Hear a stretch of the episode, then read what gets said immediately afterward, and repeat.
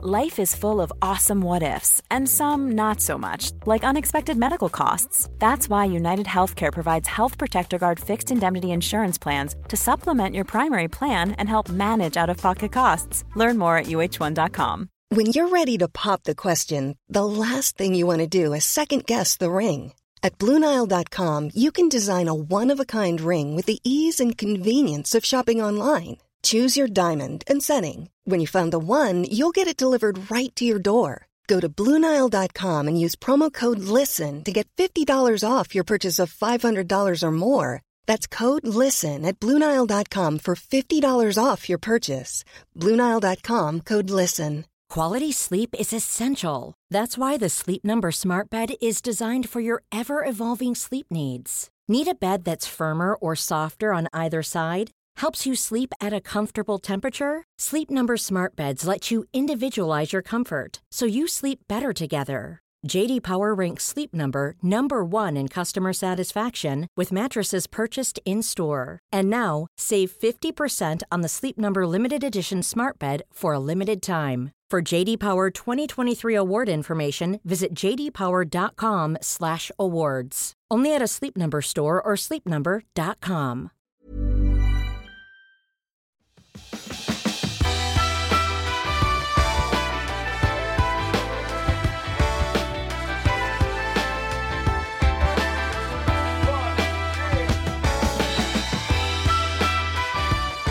Hej och välkommen till Klimakteriepodden med mig, Åsa Melin.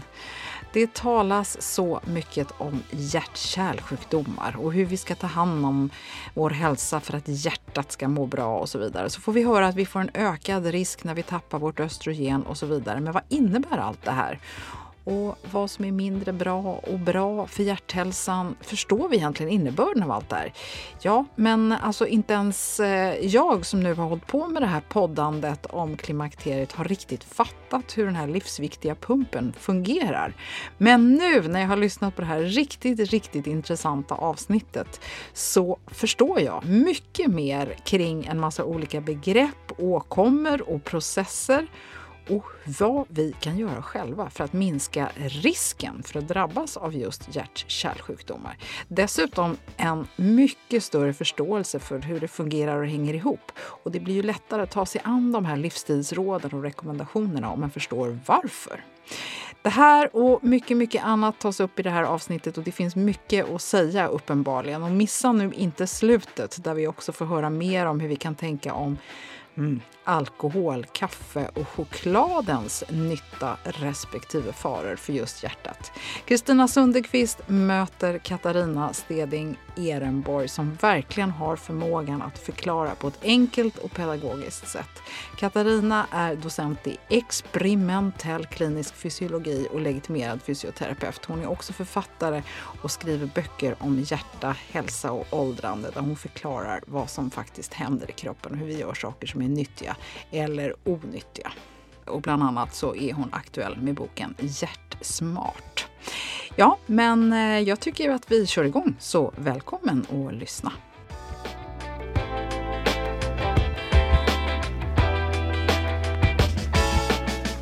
Och Katarina Steding Ehrenborg säger jag varmt välkommen till Klimakteriepodden. Tack så mycket. Du Katarina, det känns eh, jätteroligt att ha dig med här idag tycker jag. Vi ska ju prata om ett viktigt ämne. Vi ska prata om hjärtat.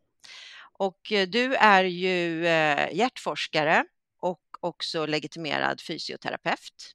Stämmer. Sen har du eh, skrivit två stycken böcker varav den eh, senaste kom ut nu ganska nyligen och den heter Bättre med åren och handlar om lite hur man möter åldrandet på bästa sätt.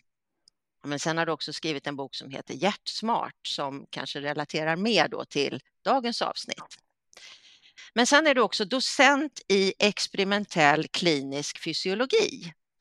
Och där tänkte jag faktiskt lämna över ordet till dig och så får du berätta lite närmare vad det innebär och sen får du gärna berätta också lite mer om din bakgrund och eh, din forskning. Ja, om, vi, om vi börjar med titeln Eh, så är det ju när man, när man håller på att forskarutbilda sig så kallas man ju för doktorand. Och sen disputerar man, då blir man ju doktor. Eh, och sen efter några år om man fortsätter forska så kan man meritera sig till docent. Eh, och fortsätter man ännu längre kan man bli professor. Så man kan säga att jag är mitt emellan doktor och professor. Och ehm, det där med experimentell klinisk fysiologi, det kommer sig av att jag inte är specialistläkare i ämnet klinisk fysiologi, så då kallas man experimentell. Eh, men vad jag faktiskt gör på jobbet eh, är att jag forskar på hur, hur hjärtat påverkas av extrem belastning, brukar jag säga. Och extrem belastning, eh, det kan dels vara idrott, elitidrott eller motionsidrott. Det är hjärtsjukdom, speciellt hjärtsvikt, det är någonting som jag forskar på. Sen tittar vi också på gravida. Att vara gravid i nio månader, det är som att vara elitidrottare i nio månader om man ser till belastningen på hjärtat. Eh, och så tittar vi på vad som har hänt om man var sjuk under sin graviditet och haft extra belastning på hjärtat då. Har man ökad risk för hjärt-kärlsjukdom efteråt?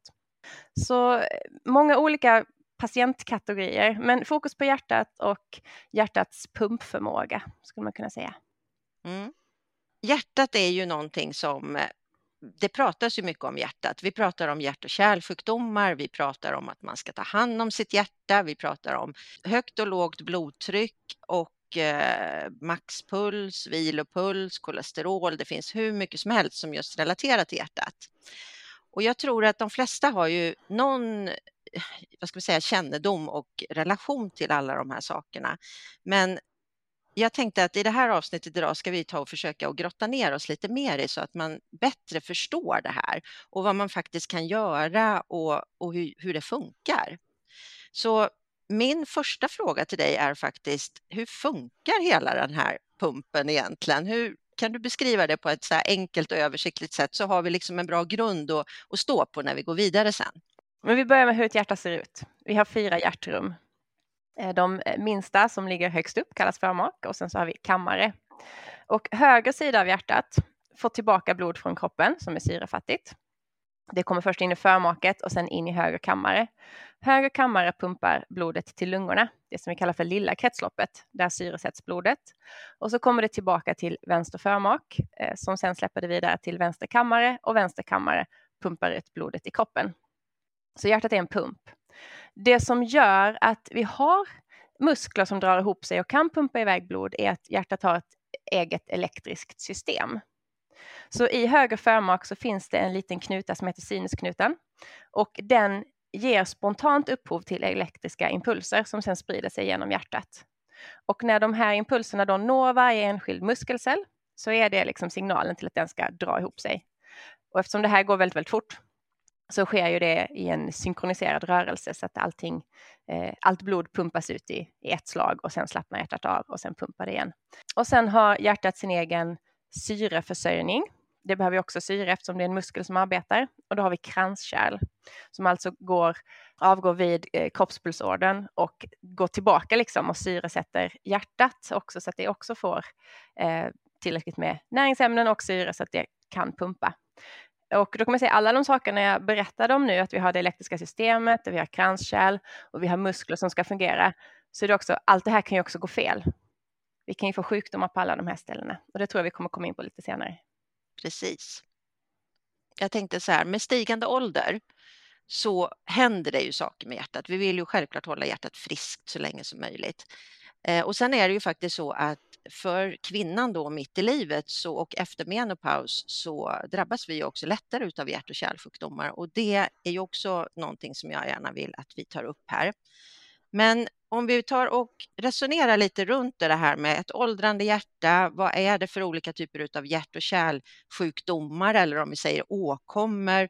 Kan du liksom koppla ihop alla de här sakerna och redogöra lite för de här framförallt de, de vanligaste sjukdomarna eller åkommorna kopplat till åldrande och kvinnor. Eh, vi kan ju börja med att säga att egentligen om man hade haft ett helt friskt åldrande, om man verkligen hade perfekta genetiska förutsättningar och så tränar man regelbundet och så äter man rätt och så gör man liksom allting rätt plus att generna är med dig.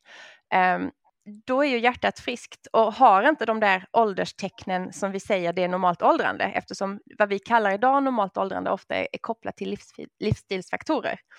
Eh, som vi säger, vad är det som får ett hjärta att stanna om allting är friskt? För, för det är ju ändå så att hjärtat stannar till slut. Eh, och bara för att börja där så tror man att det kan vara kopplat till att eh, i våra celler så har vi små kraftverk som kallas mitokondrier. och de blir allt sämre fungerande med åldern. Ehm, och när de blir sämre fungerande eh, så bildar de mindre energi. De släpper också ifrån sig mer syreradikaler som kan ge upphov till skador, både på mitokondrien själv och på celler runt omkring. Så någonstans i livet, även om allting är friskt, så kommer vi nå en punkt där, där helt enkelt energiproduktionen för mitokondrien inte är tillräcklig för att hjärtat ska pumpa och då stannar hjärtat. Det blir liksom trött. Det är det jätte, jättefriska åldrandet som man tror att det skulle funka. Men om vi kopplar ihop det med hur världen faktiskt ser ut idag så har vi ju mycket i vår livsstil som gör att vi också får olika sjukdomar. Så den vanligaste dödsorsaken som vi har är, är ju hjärt-kärlsjukdom kopplat till hjärt-kärlsjukdom eh, och hjärtinfarkt är den absolut vanligaste. Så vad är då hjärtinfarkt? Ehm, de här kranskärlen som jag nämnde i början som syresätter själva hjärtat det kan uppstå stopp i de kärlen, åderförfettning. Och om det blir stopp i ett kranskärl, då kan ju inte den hjärtmuskeln som ligger bortom stoppet få syre längre, så vi får syrebrist. Det här upplever man som bröstsmärta. Och det är därför det är otroligt viktigt att om man får bröstsmärta så ska man ringa 112. Eh, för mm. att även om det bara är smärta just då och det kanske fortfarande kommer lite syre till hjärtmuskeln. Så om man inte öppnar upp det här kärlet snabbt eh, och syrebristen kvarstår, då dör muskelceller och då har vi en hjärtinfarkt. Och muskelceller som dör kan inte längre pumpa eh, och då kan det bli att man får en sämre pumpförmåga. Så det är därför det är oerhört viktigt att eh, om du själv eller en anhörig har bröstsmärta, ring ambulans, hellre komma in en gång för mycket än att komma för sent. Och där är det väl också så att, att symptomen för just hjärtinfarkt är väl lite olika för män och kvinnor också? Ja, man har sagt att det är lite mer diffust för kvinnor. Eh, och även här är det på en individbasis. Så man säger bröstsmärta är det typiska. Strålande smärta upp i halsen, ut i armen. Eh, men det kan också vara eh, att man har en, en ryggsmärta. Det kan vara att man har en buksmärta. Det kan vara att man bara känner sig kallsvettig och eh, att det känns så obehagligt. Och det är ju det som gör det väldigt svårt. Men om man akut börjar känna sådana konstiga symptom så är det fortfarande bättre att larma och komma in och få det utrett än att vänta hemma. Men om man har, du sa att om det då blir helt tilltäppt här, att, vi, att hjärtat då inte får någon syre, men finns det något förstadie till det? Kallas det någonting speciellt? Ja, alltså vi har ju, eh, nej, den här bröstsmärtan kallas ibland för kärlkramp. Just det, det var det jag tänkte på. Mm. Eh, och den kan komma och gå. Eh, så det finns ju eh, personer som har kärl som, som kanske stänger sig och sen öppnar igen och så stänger och öppnar igen så att de har liksom bröstsmärta som kommer och går. Eh, och sen för andra så kan det komma väldigt plötsligt, väldigt kraftfullt och så är det verkligen ett stopp. Så vi är ju alla individer och eh, hur det ser ut i kranskärlen är också individuellt. Som, och det är det som gör det här lite svårt när man säger hur vet jag själv att jag har det här? Eh, och det är därför jag så tydligt vill säga, så åk hellre in en gång för mycket. Men hjärtflimmer då? Mm. Vad är det för någonting? Hjärtflimmer Eh, hänger ihop med det här elektriska systemet som jag också nämnde. Eh, och om hjärtat drabbas av syrebrist, till exempel att vi har en, en kärlkramp ehm, eller ett stopp som gör att hjärtat får för lite syre, då kan det också störa det här elektriska systemet. Och om det störs så kan det bli att istället för att hjärtat slår med ett synkroniserat pumpslag så blir det att varje individuell liten muskelcell eh, står och kontraherar för sig själv. Så det, blir, eh, det kan bli ett flimmer eller ett fladder, det beror på hur fort allting går. Men tänk dig som förr i tiden när man tittar på tv och det kunde bli Myrornas krig, när det bara var svart och vitt och det liksom står och flimrar. Att det blir så i alla hjärtmuskler. Eh, för det är små, små muskelceller som inte längre jobbar tillsammans och gör de inte det så kan de inte längre pumpa. Så då har vi ett, eh, ett hjärtstopp och enda sättet att häva det hjärtstoppet är med en hjärtstartare. Så det kan stoppa både utav en hjärtinfarkt och utav ett hjärtflimmer? Ja, alltså själva, man kan säga själva hjärtinfarkten kan i nästa steg leda till ett flimmer. Måste inte göra det, men kan göra det. Ja, Okej, okay. så om man har haft en hjärtinfarkt mm. eh, så är risken då större att man också, eller att man har ett hjärtflimmer sedan tidigare eller att man får det sen eller? Ja, alltså det finns ju många olika sätt att få det här flimret. Man kan ha om man har till exempel haft en hjärtinfarkt som gett upphov till ärrvävnad i hjärtat så ärrvävnad i sig är en riskfaktor för att den elektriska signalen ska bli störd och man kan få ett flimmer av det. Eh, men sen kan man också få det av själva syrebristen, i, i, i, alltså precis vid själva hjärtinfarktstillfället. Blodpropp.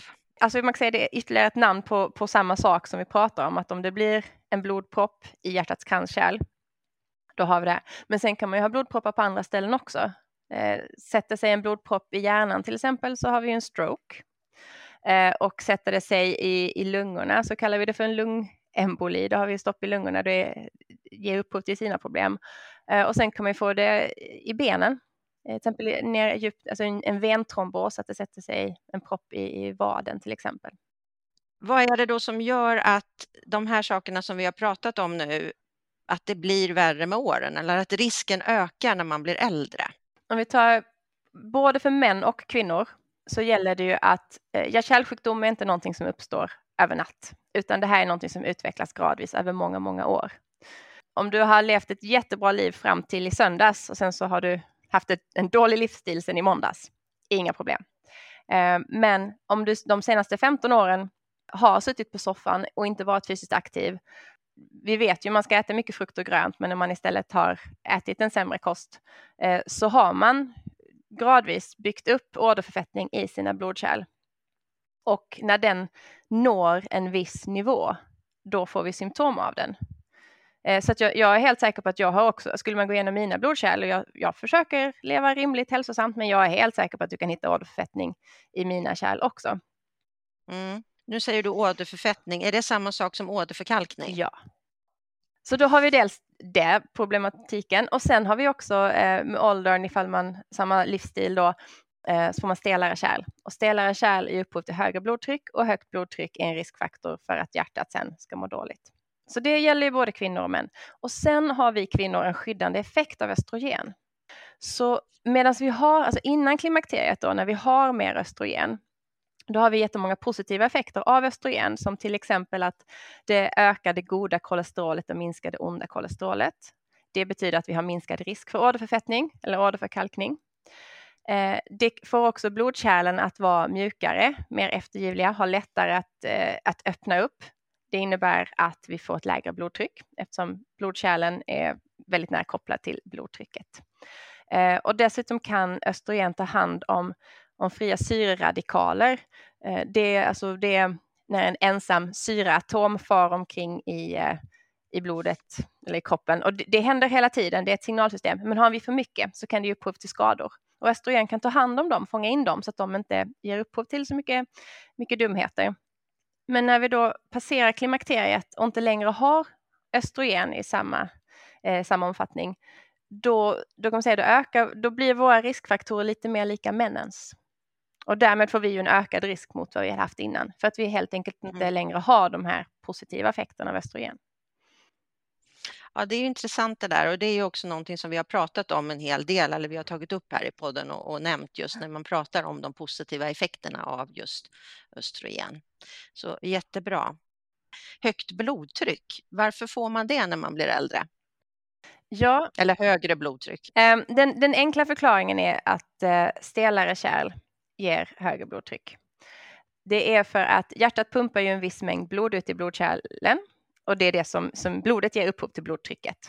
Och ifall kärlet är eftergivligt, så när det kommer en stor mängd blod in och det kan ge efter, så blir det inte så högt tryck som ifall man försöker pressa in samma mängd blod i ett väldigt stelt kärl som då inte kan vara eftergivligt, utan då, då, blir, det, då blir det ett högre tryck i det här kärlet. Och det för hjärtat innebär då att för att ens kunna pumpa ut blodet så måste hjärtat anstränga sig mer.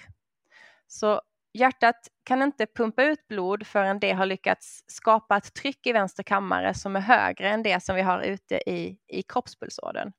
Så det, det händer i varje hjärtslag att vi skapar ett tryck i hjärtat så, och när det är högre än ute i kroppen, då kan blodet börja strömma eftersom eh, blodflöde går från en plats med högt tryck mot ett lägre tryck.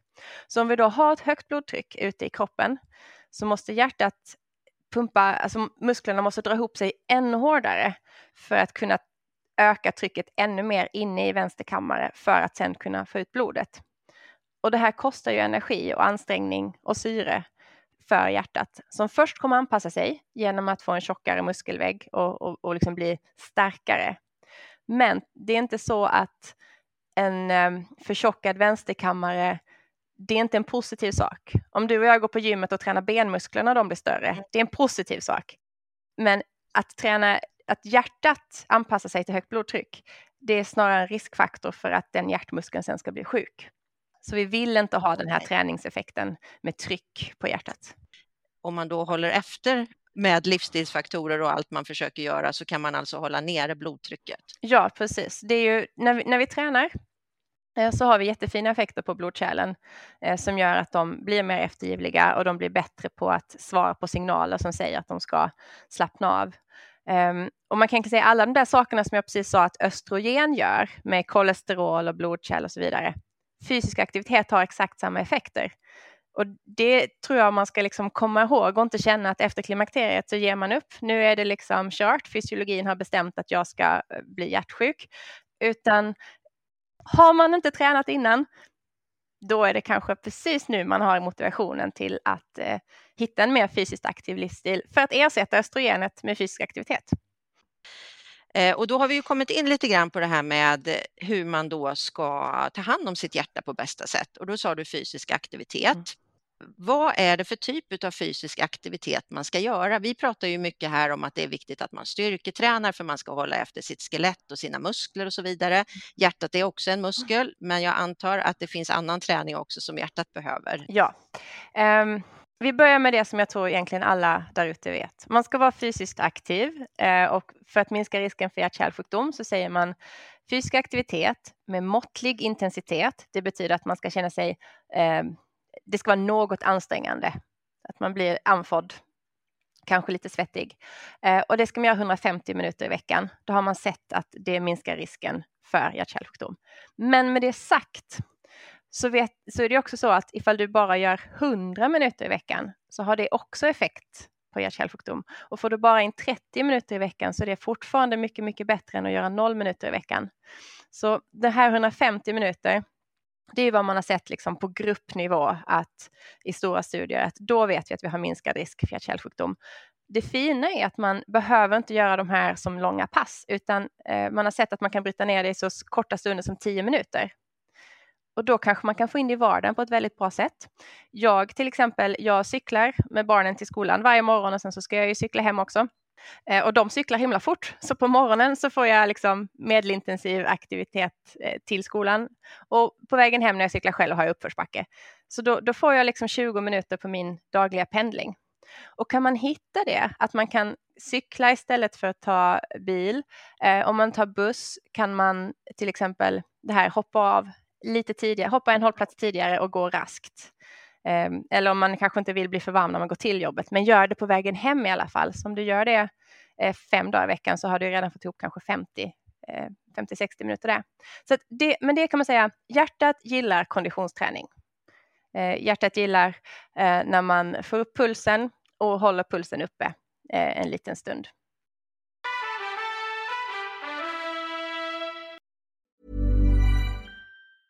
Ready to pop the question? The jewelers at BlueNile.com have got sparkle down to a science with beautiful lab-grown diamonds worthy of your most brilliant moments. Their lab-grown diamonds are independently graded and guaranteed identical to natural diamonds, and they're ready to ship to your door. Go to BlueNile.com and use promo code LISTEN to get $50 off your purchase of $500 or more. That's code LISTEN at BlueNile.com for $50 off. BlueNile.com code LISTEN. Mom deserves the best, and there's no better place to shop for Mother's Day than Whole Foods Market. They're your destination for unbeatable savings, from premium gifts to show-stopping flowers and irresistible desserts. Start by saving 33% with Prime on all body care and candles. Then get a 15-stem bunch of tulips for just $9.99 each with Prime. Round out Mom's menu with festive rosé, irresistible berry chantilly cake, and more special treats. Come celebrate Mother's Day at Whole Foods Market. Quality sleep is essential. That's why the Sleep Number Smart Bed is designed for your ever evolving sleep needs.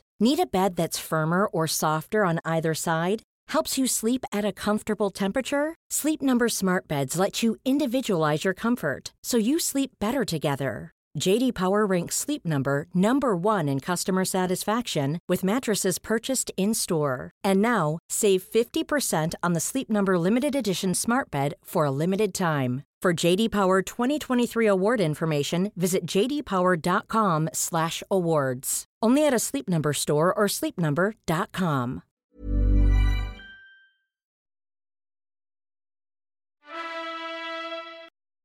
Du sa måttligt ansträngande, mm. men om man vill verkligen få upp pulsen ordentligt, ska det vara liksom riktigt tuff konditionsträning eller hur ska man tänka där?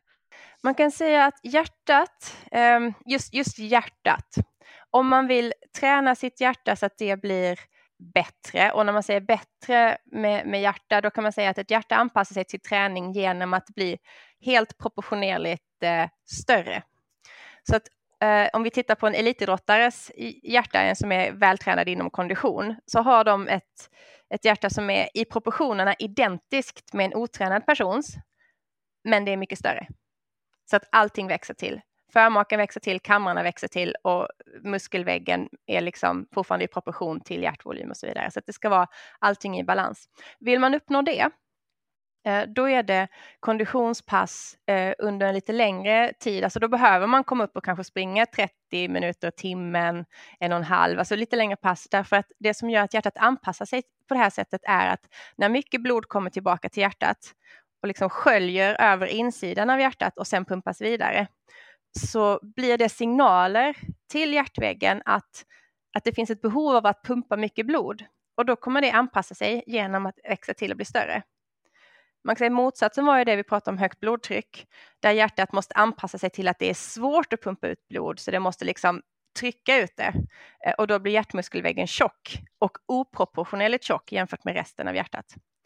Så vill man ha mycket effekter på hjärtat så är det ganska långa konditionspass. Men hälsa och hjärt-kärlhälsa, det är ju ett begrepp, så det handlar inte bara om hjärtat i sig, utan vi har ju blodkärlen. Eh, och där har vi ju effekter på, på eh, vad heter det, endotelet, alltså det innersta cellagret i blodkärlen, mår väldigt bra av konditionsträning också. Och när vi är inne då på konditionsträning så skulle jag också vilja att vi går igenom de här olika sakerna som har med pulsen att göra. Mm. Till exempel vad är vilopuls? För det är ju också någonting som man brukar prata om om man till exempel gör en hälsokontroll mm. så säger man att det är bra att ha en låg vilopuls. Så vad är det för någonting? Ja, eh, vilopulsen är den puls som du har om du verkligen är i vila och det är väldigt sällan vi verkligen är i vila. Om man vill ta reda på sin vilopuls så brukar man säga att det är bra om man kan vakna av sig själv, ingen väckarklocka, ingenting som väcker dig utan att du sover tills du vaknar av dig själv eh, tre dagar i rad och så tar du pulsen som det första du gör när du vaknar och så tar du ett medel av det. Då har du troligtvis en, en, en vilopuls.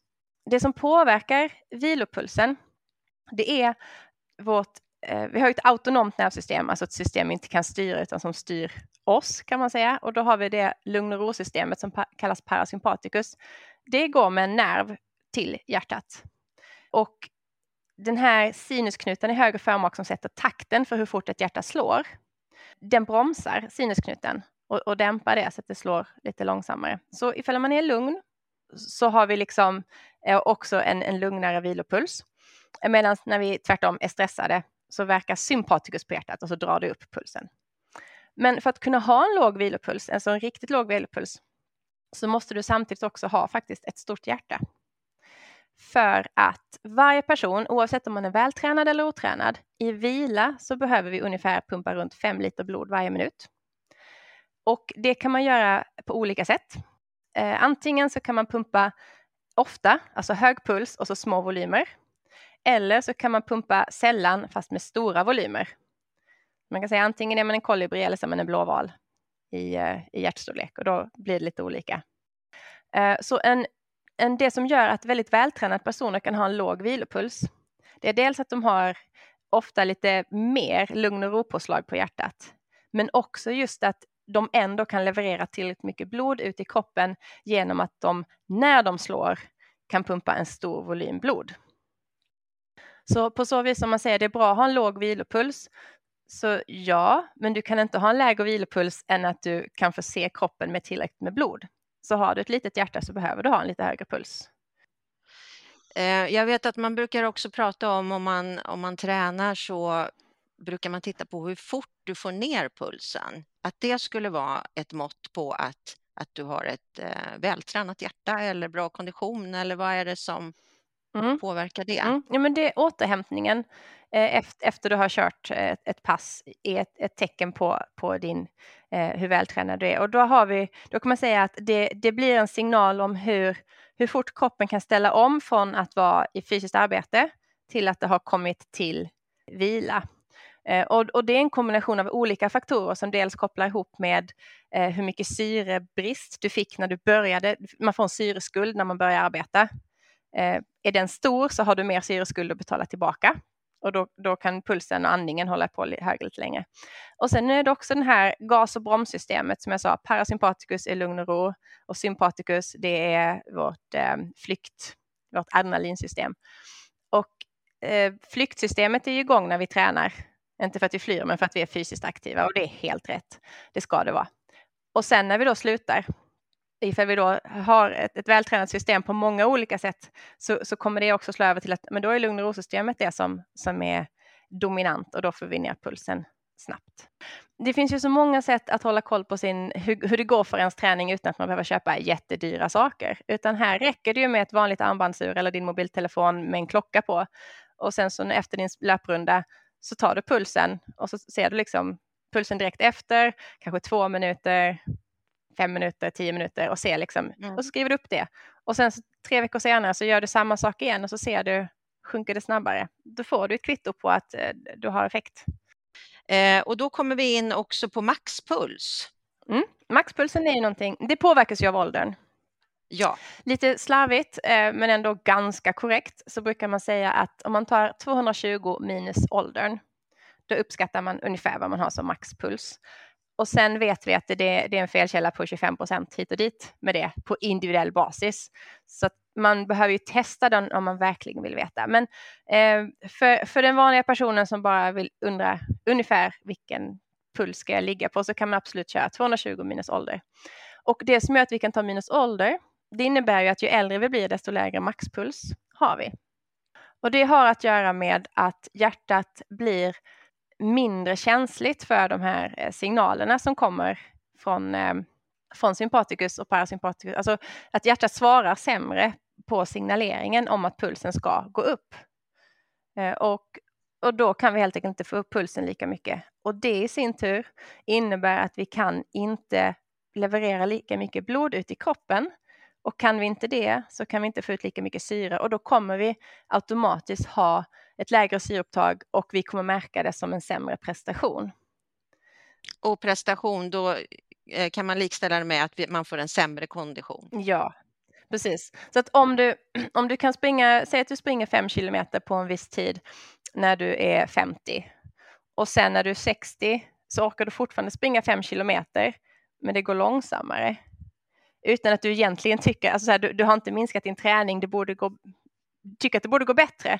Eh, men då finns det andra faktorer som, som har med ålder att göra som gör att det, det gör kanske inte det, men bara det att du kan springa lika snabbt som för tio år sedan, det är väldigt, väldigt bra.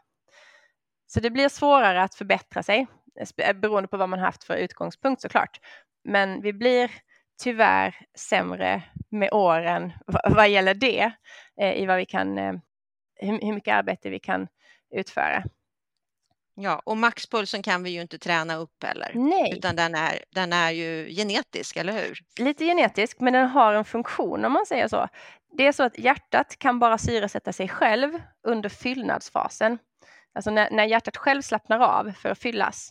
Det är den enda tidpunkten i en hjärtcykel som hjärtat kan syresätta sig. För när det drar ihop sig för att pumpa ut blod, då trycker musklerna ihop kranskärlen så då kommer det liksom inget syre via dem så att sen när, när hjärtmuskeln slappnar av, då kan syre komma till hjärtmuskeln.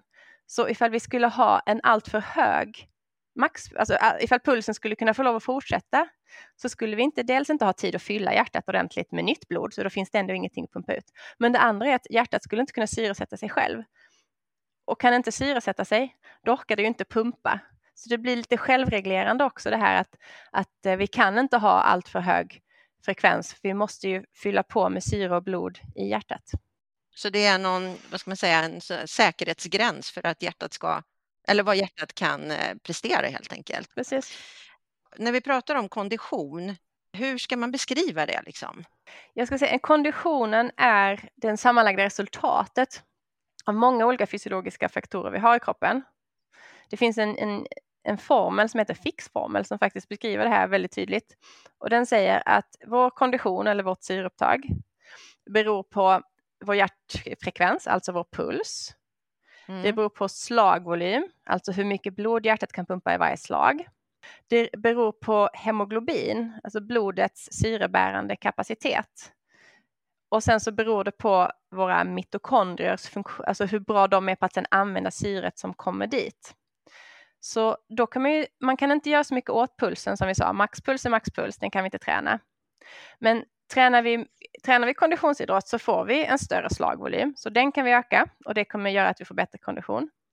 Hemoglobin, det är också någonting som är ehm, eh, kan man säga, förutbestämt eller genetiskt. Vi har, vi har det vi har. Försöker man öka det så kallas det doping och det är inte tillåtet. Men man kan ju lätt ha för lågt mot vad man egentligen borde ha. Vi kvinnor har ju lätt järnbrist. Eh, särskilt innan klimakteriet, alltså medan man fortfarande har menstruation. Så den här blödningen varje månad innebär att man faktiskt förlorar blod som sen måste ersättas. Så är det någonting som, som man kan se till att eh, optimera det är att ha inte lägre HB än vad du borde ha. Eh, ät tillräckligt med järn. Jag tycker det är så praktiskt att vara blodgivare för då, får jag, då testas ju mitt HB regelbundet också så är det lite lågt så, så blir jag tillsagd. Men det kan du inte träna upp. Och sen så har vi det här med mitokondrierna och det kan vi också träna. Så konditionsträning gör att vi dels får fler mitokondrier, de fungerar bättre, så de blir bättre på att skapa energi till kroppen. Eh, och sen så kommer vi också få fler kapillärer som liksom försörjer musklerna med syre och då kommer ju ännu mer syre fram dit det ska och då kan vi orka mer och då får vi bättre kondition. Så slagvolym och mitokondrier kan vi träna och hemoglobin kan vi åtminstone se till att det inte är för lågt och då får vi bättre kondition. Bra. Vi ska ta och stanna där med träningen och så ska du få berätta lite om eh, kost. Vad ska vi tänka på med kosten och hjärtat? Mm. Det vi har vetenskaplig evidens för när det gäller kost, det är, det att man ska äta frukt och grönt. Eh, medelhavskosten, alltså fisk, frukt, grönt, omättade fetter. Det är bra för hjärtat. Fibrer, alltså fullkorn också. Det är, de, det är de vanliga råden kan man väl säga. Ja, Ja, men det är så, så här, man knickar, oj vad tråkigt. Kan du inte komma med någonting, någonting nytt liksom? Men, men eh, jag väljer att säga det så här, vad skönt att det är så enkelt. Jag behöver inte hålla på och göra svåra saker utan det är verkligen det jag vet är enkel och bra mat som finns att köpa i mataffären. Det räcker kolesterol, det är ju också någonting som vi kan äta faktiskt och det är också någonting som tillverkas i kroppen. Kan du berätta lite om kolesterolet och hur man ska tänka om det? Jätteviktigt är det du säger att det tillverkas av kroppen. För att ofta så tänker vi kolesterol, farligt. Det var, och, och att man, ett, för länge sedan, det känns det som länge sedan, det är säkert 30 år sedan som det kom eh, varningar om att man fick inte äta för mycket ägg för ägg innehåller kolesterol. Och då var det för att man hade kopplat ihop det med åderförfettning. Eh, men det faktum att vi faktiskt tillverkar kolesterol själva också säger ju ändå någonting om att men kolesterol är ju någonting vi troligtvis behöver. Och det gör vi. Så kolesterol har eh, en roll i kroppen som att det ska, alltså det är en byggsten kan man säga. Så vi behöver kolesterol till exempel för att eh, vara i könshormoner så östrogen är någonting som behöver kolesterol. Eh, och sen så behöver vi kolesterol som en byggsten i cellmembranet. Så att alla våra celler har ju ett, ett ytskikt, alltså en, en, en utsida kan man säga. Och där behövs kolesterol. Så det är ju någonting som, som, som är viktigt för oss. Men sen finns det olika sorters kolesterol. Jag nämnde det lite tidigare. Eh, ofta kallar man det goda kolesterolet och det onda kolesterolet. Det som kallas för det goda, det heter också HDL eller High Density Lipoprotein. Um, och det som kallas för det onda är Low Density Lipoprotein.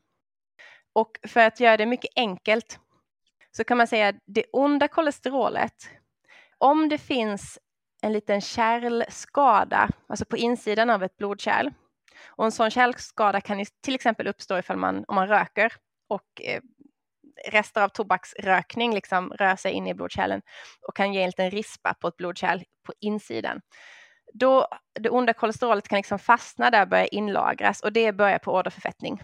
Eh, det fina är ju att det goda kolesterolet då, det kan faktiskt rensa bort det där. Så man har sett att om man kan öka mängden av det goda kolesterolet så kan man faktiskt också få bort sån här åderförfettning på vissa ställen där det har börjat komma och på så vis läka kroppen igen.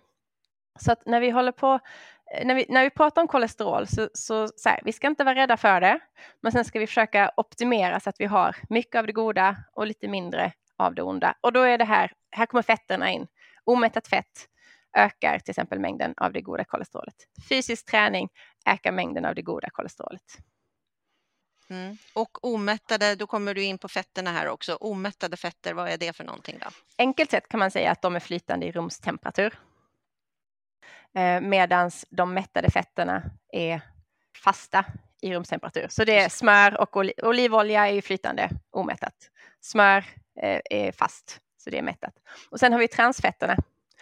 Och de är faktiskt omättade fetter som man har gjort en liten kemisk förändring på för att de ska vara stabila trots att de är omättade. Och vad man inte visste då när man så att säga uppfann transfetterna var att det här på något vis kunde bli dåligt för kroppen, men det har man sett. Att de här transfetterna kan till exempel konkurrera ut eh, bra fetter i cellmembranen och, och helt enkelt förstöra deras funktion. Så det är därför det är reglerat nu för tiden hur mycket transfett man får, får ha i olika produkter. Så de ska man undvika. Eh, man ska välja helst omättade fetter, men man ska inte vara rädd för att då och då få i sig ett mättat fett heller.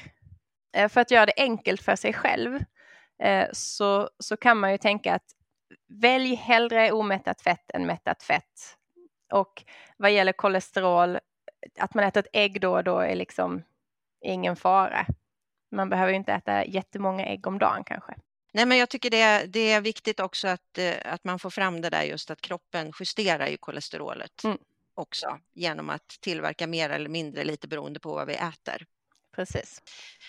Vi ska prata också om eh, alkohol mm. och hur man ska tänka om, om vårt kära alkohol kopplat till jag skulle vilja säga så här, kopplat till hjärtat men också kropp, kopplat till hela kroppen. Men vi har ju säkert hört det här att det är bra för hjärtat att dricka något glas vin ibland. Så kan du resonera lite runt, runt hur man ska tänka här? Ja, jo, men alltså, man kan ju ha en löpsedel där det ena dagen står två glas vin är jättebra för hjärtat och sen nästa dag så står det två glas vin så du kommer du dö av cancer. Eh, och eh, båda kan vara sanna om man säger så. Eh, om vi bara håller oss till hjärta, hjärt-kärlhälsa och vin eh, så har man i studier sett att personer som dricker måttligt med vin regelbundet och då kan man säga ett till två glas vin om dagen, små glas vin. Och får jag bara flika in det, då pratar vi alltså vin, vi pratar inte alkohol i stort nu utan det är vinet här. Faktum är att eh, man också, alltså att det faktiskt inte spelar någon roll vilken alkohol. Eh, att, att, annan alkohol funkar också. Eh, men, men om man dricker lite alkohol varje dag eh, Eh, så är det så här att under den lilla stunden du faktiskt dricker då har du ökad risk för hjärt-kärlsjukdom. Då är det större risk att blodet klumpar ihop sig, eh, kroppen blir stressad av alkoholen och det är större risk att du faktiskt får liksom en, en kärlkramp till exempel. Men i det långa loppet, alltså de följande 15-20 timmarna, så har du istället en minskad risk. Då är blodet lite mer lättflytande. Det är mindre risk för att du får en, en blodpropp och du kanske till och med är lite avslappnad och då har man har lägre blodtryck. Så det är lite paradoxalt där. Och sen har man också sett att det är nästan som en, en U-formad kurva, att personer som inte dricker alls har större risk än de som dricker måttligt. Och sen de som dricker mycket har återigen en ökad risk då. Men forskning är ju verkligen så här att vi ställer en fråga som är väldigt, väldigt specifik och kan inte ta hänsyn till allting. Så de här studierna som har visat då att lite alkohol kan faktiskt vara bra för vår hjärt-kärlhälsa avslutas ju alltid med en rekommendation om att ni ska inte använda alkohol som en, en hälso, ett hälsoknep eh, för att det har så många andra negativa effekter. Medan de positiva effekterna du kan få av alkohol kan du få genom fysisk aktivitet och bra kost. För det är ju ändå så att alkohol, även om det kan vara lite bra för hjärta och kärl ibland, har ju ökad risk för till exempel cancer. Eh, och för, det är beroendeframkallande, vilket har sina egna risker också. Eh, och det är inte alla som blir trevligare av att dricka, utan man kan ju också bli otrevligare. Man får sämre omdöme. Du nämner också här i, i böckerna just om det här, vad kallar du det, binge drinking? Mm. Det är, att, eh, det är när man, att dricka väldigt mycket på kort tid. Och det är någonting som faktiskt eh, är mer vanligt i de nordiska länderna än, än i, i Sydeuropa. Att man, när man ses till helgen så dricker man jätte, jättemycket. Vi kanske kallar det att, att gå ut och festa. Eh, då dricker man mycket vid ett tillfälle. Eh, däremot att ta ett glas vin på fredagen, inga problem, bara trevligt. Eh, förutsatt såklart, eh, eller inte såklart, men om man har hjärt-kärlsjukdom eh, så kan det finnas ökade risker med att dricka alkohol. Eh, och det okay. finns de som, eh, vi pratade innan om, om flimmer, eh, alltså det här elektriska systemet. Man kan ha förmaksflimmer eh, som är vanliga när man blir äldre. Eh, och då är det att eh, förmaken har den här oregelbundna aktiviteten. Hjärtat pumpar fortfarande tillräckligt mycket blod för att man ska må bra, men, men förmaken flimrar och det kan sprida sig vidare och det kan vara obehagligt. Eh, och det kan ibland utlösas av alkohol, men också av kaffe och choklad. Det ger också olika stimuli och det är högst individuellt. Så det får man verkligen känna efter eh, ifall det är så att eh, ja, en kopp kaffe, då, då börjar hjärtat slå konstigt. Ja, men då, då ska du inte dricka kaffe, då får du hitta något annat. Du nämnde här nu, nu kom du in på kaffe här också. Eh, kaffe och choklad, vad har det för har det goda effekter på hjärtat också? Ja, det har det ju. Om vi börjar med choklad, och det här gillar man ju att höra. Choklad har eh, olika egenskaper eh, som de delar med kaffe om jag inte, om jag inte minns fel, som gör att eh, vi kan ha en bra påverkan på, på blodkärl eh, och därmed på blodtryck. Choklad har i vissa studier visat att de här ämnena som finns här, eh, som är eh, flavonoider och flavanoler kanske man har pratat om, Eh, de kan vara, eh, minska låggradig inflammation i kroppen och eh, inflammation är någonting som vi ska ha som ett försvarssystem om någonting är fel för att bekämpa bakterier eller någonting. Så vi måste ha inflammation i kroppen, det är okej. Okay. Men att ha en ständigt pågående låggradig inflammation som inte har ett ändamål ökar risken för hjärt-kärlsjukdom. Och då eh, har man sett att de här då flavonoider och flavanoler som kan finnas i choklad och kaffe kan minska sån låggradig inflammation. Så det låter ju toppen. Mm, Men det det. för att få i sig tillräckligt mängd för att det ska ha effekt, om vi tar choklad till exempel, eh, så behöver man äta ungefär 100 gram mörk choklad eller 200 gram ljus choklad om dagen. Och det i, i sin tur ger ju upphov till väldigt mycket extra kalorier. Och de här mm. extra kalorierna kommer man ju troligtvis lagra in som fett. Och fett driver inflammation i kroppen och är en riskfaktor för hjärt-kärlsjukdom.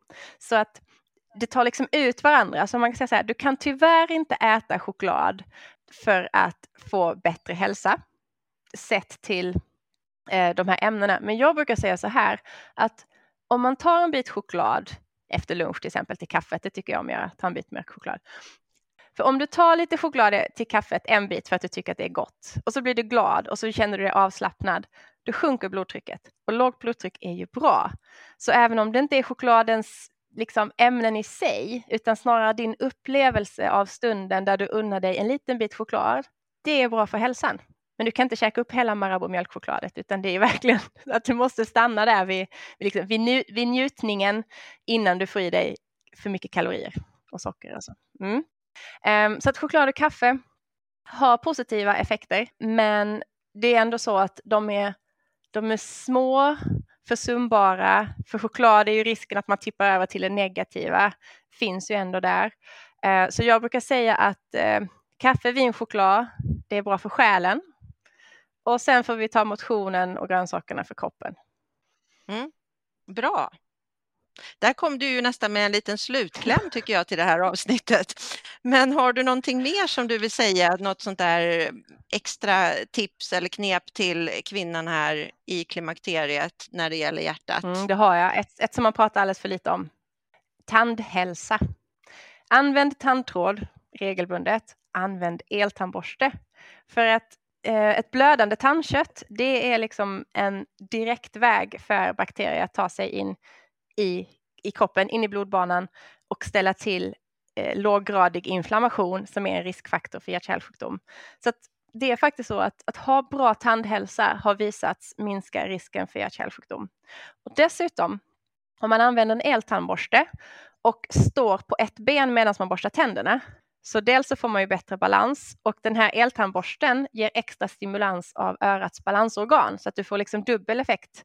Jag vet inte om det vetenskapligt är dubbel effekt. Du får extra effekt av eh, balansträningen om du använder eltandborste jämfört med vanlig. Så då får du bra tandhälsa, fint leende, minskad risk för kärlsjukdom och bra balans. Bra, tack! Katarina, då tackar jag för din tid. Tack ska du Och så tackar jag för att du ville vara med oss här i Klimakteriepodden idag. Tack för att jag fick vara med.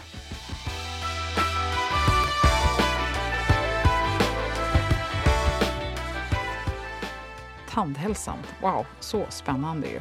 Och vilken grej hjärtat är. Ja, lite nya, eller ganska mycket nya infallsvinklar, tankar och kunskap och kanske extra motivation till att ta tag i det där som vi kan påverka själva. Spännande tycker jag också med det här kunskapen kring alkohol, kaffe och choklad. Och som vanligt, balansen är viktig. Katarinas böcker heter alltså Hjärtsmart, Orka mer och lev längre och bättre med åren. Båda de här böckerna kan du läsa mer om på klimakteriepodden.se och där finns det också länkar och du kan läsa mer om avsnittet i sig. Lyssna också gärna på Kerstin Brismar som är professor och i avsnitt 173 som heter Lev länge och väl så pratar hon väldigt mycket om hjärta, åldrande och eh, Eh, jag tycker också att Torne Sen som är gynekolog är värd att lyssna på i avsnitt 141 när vi pratar om hjärt-kärlsjukdomar och östrogen. Och Carl-Johan Sundberg som också är professor, han pratar i 195 universalmedicin och det handlar mycket om rörelse. Och det är alltid kul med något nytt och i nästa avsnitt ska vi få lära oss mer om någonting som du kanske inte kan allt för mycket om. Och om du inte redan följer Klimakteriepodden på Instagram och Facebook eller prenumererar på Klimakteriepodden i din poddapp så går det ju bra att göra det så du inte missar något nytt avsnitt.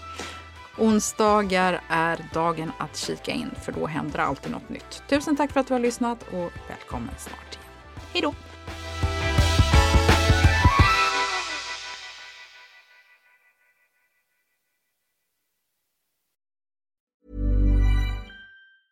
Hi, I'm Daniel, founder of Pretty Litter. Did you know cats tend to hide symptoms of sickness and pain? I learned this the hard way after losing my cat, Gingy. So I created Pretty Litter, a health monitoring litter that helps detect early signs of illness by changing colors, saving you money and potentially your cat's life. Pretty Litter is veterinarian developed, and it's the easiest way to keep tabs on your fur baby's health right at home. Go to prettylitter.com and use code ACAST for 20% off your first order and a free cat toy. Terms and conditions apply. See site for details. Ever catch yourself eating the same flavorless dinner three days in a row? Dreaming of something better? Well, HelloFresh is your guilt free dream come true, baby. It's me, Gigi Palmer. Let's wake up those taste buds with hot, juicy pecan crusted chicken or garlic butter shrimp scampi. Mm. Hello Fresh. Stop dreaming of all the delicious possibilities and dig in at HelloFresh.com. Let's get this dinner party started. Hey, it's Paige DeSorbo from Giggly Squad. High quality fashion without the price tag? Say hello to Quince. I'm snagging high end essentials like cozy cashmere sweaters, sleek leather jackets, fine jewelry, and so much more. With Quince being 50 to 80% less than similar brands and they partner with factories that prioritize safe ethical and responsible manufacturing. I love that. Luxury quality within reach. Go to quince.com slash style to get free shipping and 365 day returns on your next order. quince.com slash style